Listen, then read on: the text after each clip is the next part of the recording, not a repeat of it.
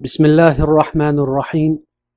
إن الحمد لله نحمده ونستعينه ونستغفره ونعوذ بالله من شرور أنفسنا ومن سيئات أعمالنا. من يهده الله فلا مضل له ومن يضلل فلا هادي له. وأشهد أن لا إله إلا الله وحده لا شريك له. وأشهد أن محمدا عبده ورسوله. يا أيها الذين آمنوا اتقوا الله حق تقاته ولا تموتن إلا وأنتم مسلمون. يا أيها الناس اتقوا ربكم الذي خلقكم من نفس واحدة وخلق منها زوجها وبث منهما رجالا كثيرا ونساء واتقوا الله الذي تساءلون به والأرحام إن الله كان عليكم رقيبا. يا أيها الذين آمنوا اتقوا الله وقولوا قولا سديدا يصلح لكم أعمالكم ويغفر لكم ذنوبكم ومن يطع الله ورسوله فقد فاز فوزا عظيما أما بعد butun olamlar rabbisi bo'lmish alloh taologa cheksiz hamda sanolar bo'lsinki bandalariga yaxshilikni ravo ko'rib ularga ularni hidoyat sari yetaklaydigan payg'ambarlarini uzluksiz ravishda yuborib turdi. So'nggi rasuli muhammad sollallohu alayhi vasallamni esa nafaqat bashariyatga balki butun olamga rahmat qilib jo'natib u zotni eng go'zal axloq sohibi qilib ardoqladi. Alloh taolo qur'oni karimda innaka laala xuluqin azim. Siz ulug' xulq ustidadirsiz deb suyukli payg'ambari muhammad sollallohu alayhi vasallamga ato etgan ulkan ne'matini eslatadi. Darhaqiqat rasululloh sollallohu alayhi vasallam ham men ulug' axloqlarni kamoliga yetkazish uchun yuborilgan payg'ambarman deb marhamat qilganlar.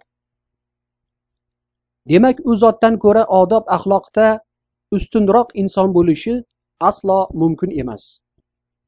Rasululloh sollallohu alayhi vasallam juda ham qisqa muddat ichida bashariyat tarixida shohid bo'lmagan yuksak odoblar ila insonlarga namuna bo'lib bashariyatni zulumat botqog'idan hidoyat nuriga olib chiqdilar.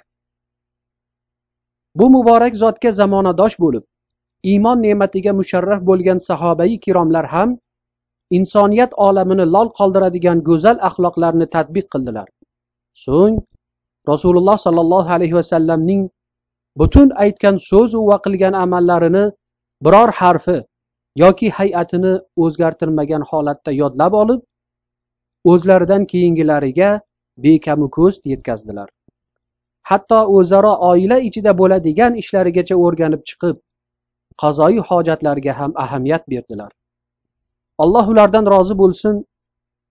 Ularga ergashgan tobiinlaru va tabaa tobiinlar va barcha islom ulamolari ham bu axloqlarni yelkalaridagi omonat deb bilib qo'llaridan kelganicha sa'y harakatlar qildilar. Payg'ambar sollallohu alayhi vasallamning xulq atvorlari haqida yuzlab yuzlab kitoblar ta'lif qilindi. Mana bunday oliy axloqlar egasi va shu axloqlar ila butun bashariyatga yetakchilik qilgan muborak zotning odob axloqlari va xushbichim qiyofalari bilan tanishish har bir mo'min musulmonning orzusidir. Chunki inson yaxshi ko'rgan kishisini ko'rishga uning sifatlarini bilishga oshiqishi tabiiy hol. Qolaversa u zot aqidamiz asosiga ko'ra muhabbat qilish vojib bo'lgan payg'ambardirlar. Shuning uchun biz bu borada yozilgan kitoblar orasidan o'n ikki asrdan beri ulamolarimiz o'qib o'qitib va o'qishga tavsiya qilib kelishgan imom termiziyning shamoili muhammadiya deb nomlangan bir jildlik muxtasar kitoblarini dars qilish uchun tanladik. Biz bu kitobdagi hadislarni baholi qudrat tarjima qilib hadislar sharhida ulamolarimizni qadrli ijtihodlaridan foydalanamiz. Avvalambor imom termiziyning tarjimai hollari bilan qisqacha tanishib o'tamiz. U zot termiz shahrida hijriy sananing ikki yuz o'ninchi yilida tug'ilganlar. Ismlari abu iso muhammad ibn iso ibn savra ibn muso at termiziydir bu buyuk olim hadis ilmi talabida xuroson iroq hijoz yurtlariga safar qilganlar. Mashhur ustozlaridan imomi buxoriy imomi muslim va imomi abu dovuddir. U kishining muallafotlari bizga yetib kelishicha to'qqiztadir deydi ba'zi sharhlovchilar. Bu alloma ikki yuz yetmish to'qqizinchi yil rajabning o'n uchinchi kuni termiz shahrida vafot etdilar.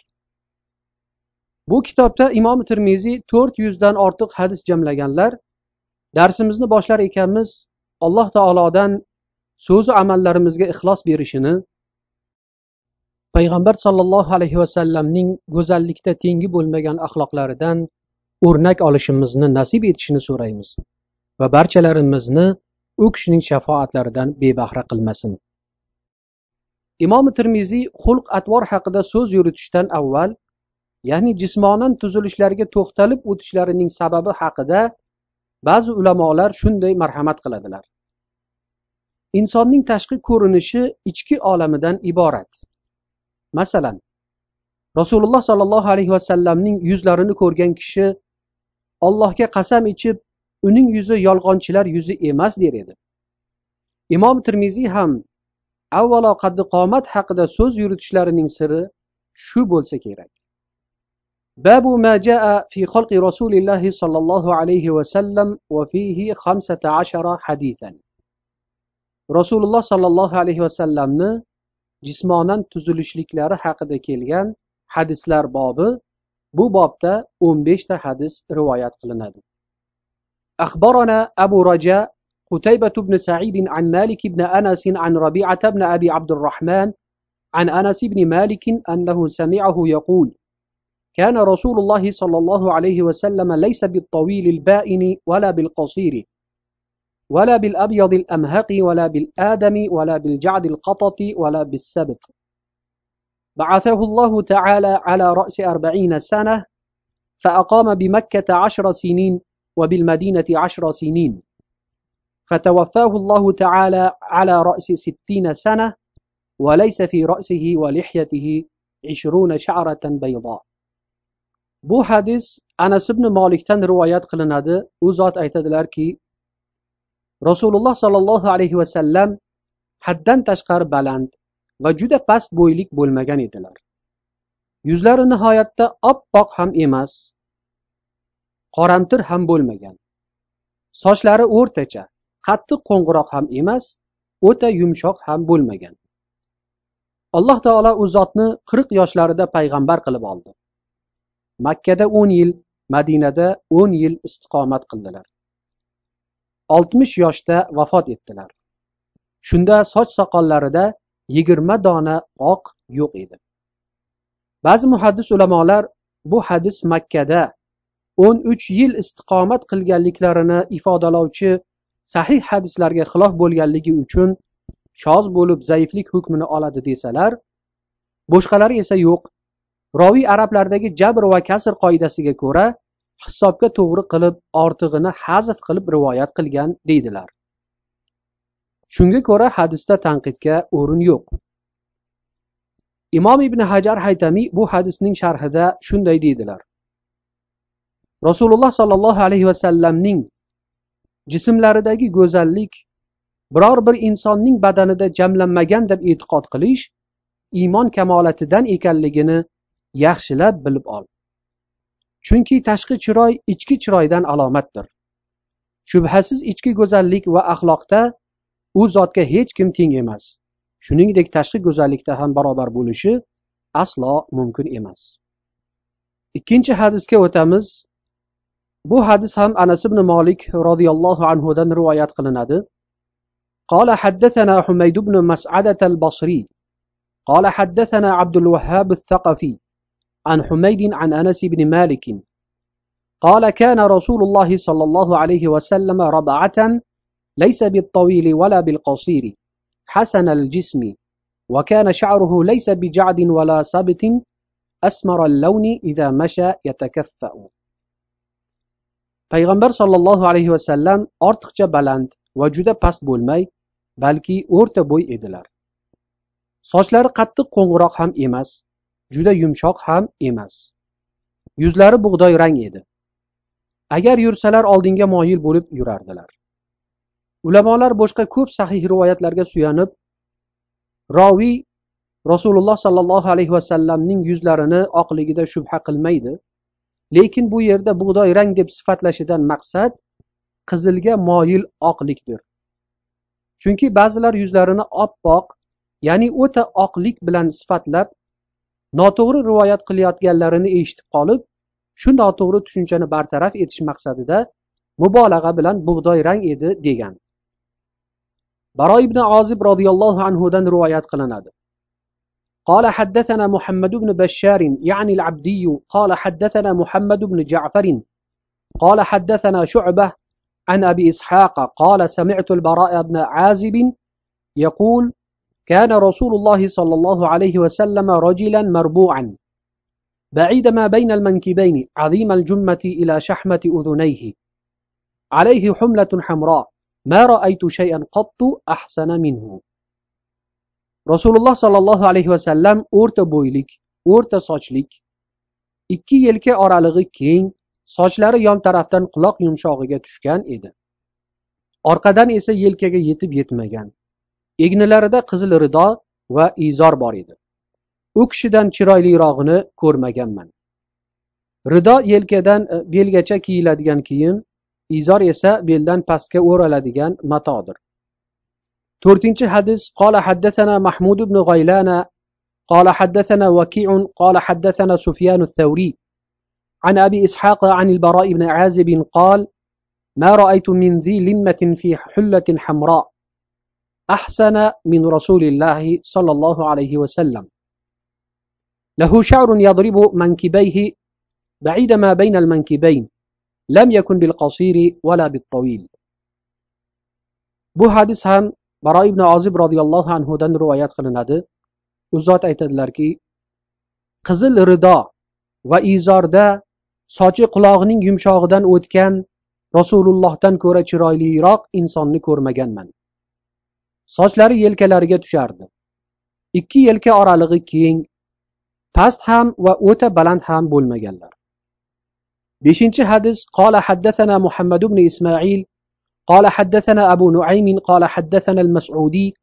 عن عثمان بن مسلم بن هرمز عن نافع بن جبير بن مطعم عن علي بن أبي طالب رضي الله عنه. قال لم يكن النبي صلى الله عليه وسلم بالطويل ولا بالقصير. شاثن الكفين والقدمين ضخم الرأس ضخم الكراديس طويل المصربة. إذا مشى تكفأ تكفؤا كأنما ينحط من صبب لم أرى قبله ولا بعده مثله صلى الله عليه وسلم ali ibn abi tolibdan rivoyat qilinishicha u zot aytadilar rasululloh sollallohu alayhi vasallam haddan ortiqcha baland va o'ta past bo'ylik bo'lmaganlar qo'l va oyoq barmoqlari bo'liq bo'liq boshlari katta ikki tirsak va tizza suyaklari yo'g'on edi ko'krak o'rtasidan kindiklarigacha uzun chiziq shaklda tuklar bor edi yurganlarida xuddi tepa qiyalikdan tushib kelayotgandek oldinga moyil bo'lib yurardilar u kishining o'xshashini u kishidan avval ham keyin ham ko'rmadim oltinchi hadis ham beshinchi hadisni o'zginasi ekan shuning uchun u hadisni zikr qilmaganlar yettinchi hadis قال حدثنا أحمد بن عبدة الضبي البصري وعلي بن حجر وأبو جعفر محمد بن الحسين وهو ابن أبي حليمة والمعنى واحد قالوا حدثنا عيسى بن يونس عن عمر بن عبد الله مولى غفرة. قال حدثني إبراهيم بن محمد من ولد أو من ولد علي بن أبي طالب رضي الله عنه. قال كان علي إذا وصف رسول الله صلى الله عليه وسلم قال لم يكن رسول الله صلى الله عليه وسلم بالطويل الممغط ولا بالقصير المتردد. وكان ربعة من القوم. لم يكن بالجعد القطة ولا بالسبت. كان جعدا رجلا ولم يكن بالمطهم ولا بالمكلثم. وكان في وجهه تدوير أبيض مشرب. أدعج العينين أهدب الأشفار جليل المشاش والكتد. أجرد ذو مسربة شثن الكفين والقدمين. إذا مشى تقلع كأنما ينحط في صبب. وإذا التفت التفت معا بين كتفيه خاتم النبوة وهو خاتم النبيين. أجود الناس صدرا وأصدق الناس لهجة وألينهم عريكة وأكرمهم عشيرة ومن رآه بديهة هابة ومن خالطه معرفة أحبة. يقول ناعته لم أر قبله ولا بعده مثله صلى الله عليه وسلم. Ali ibn abi tolibdan rivoyat qilinishicha aytadilarki agar ali ibn abi tolib rasululloh sollallohu alayhi vasallamni ta'riflaydigan bo'lsalar aytar ekanlarki rasululloh sollallohu alayhi vasallam baland va past bo'ylik bo'lmay o'rta qomat edilar. Sochlari ham o'rtacha yuzlari ser go'sht emas to'la ham bo'lmay balki bir oz doira shaklda bo'lib qizilga moyil oq edi. Ikki ko'zlarining qorachig'i tim qora kipriklari uzun va zich edi. Ikki yelka tirsak va tizza suyaklari kelishgan siynalaridagi tuklar kindikkacha yetib kelib qorin va ko'krak atrofida tuklar yo'q edi. Ikki kaft va ikki oyoq qadam bosar o'rni katta suyakli edi. Agar yursalar xuddi tepa qiyalikdan tushib kelayotgandek oyoqlarini yerdan uzib olardilar. Ya'ni rasululloh sollallohu alayhi vasallam oyoqlarini sudrab yurmas ekanlar. Agar atroflariga qaramoqchi bo'lsalar butun jismlari bilan burilib qarar edilar. Ikki kuraklari o'rtasida payg'ambarlik muhri bor edi. U kishi payg'ambarlar so'nggisi bag'ri keng rostgo'y muloyim saxovatli bo'lib u kishiga qo'qqiz nazari tushgan haybatlanar muomala qilgan yaqin do'st qilib olar edi. Rasululloh sollallohu alayhi vasallamni sifatlovchi. Men u kishining misllarini u kishidan avval ham keyin ham ko'rmadim deydi. Hadislarda ba'zi sifatlar takror bo'lgan bo'lsada ba'zi sifatlar birida bo'lib birida yo'q. Shuning uchun hammasi birma bir zikr qilingan. Va bundan tashqari bir xil sifatni ko'pchilik rivoyat qilishi o'sha sifatni sahihlik darajasini oshiradi deydi muhaddis ulamolar. Mana shu yerda birinchi darsimizga yakun yasab alloh taolodan ushbu darsimizni foydali va davomiy bo'lishini so'raymiz. Va axiru da'vana anil hamdulillahi robbil alamin.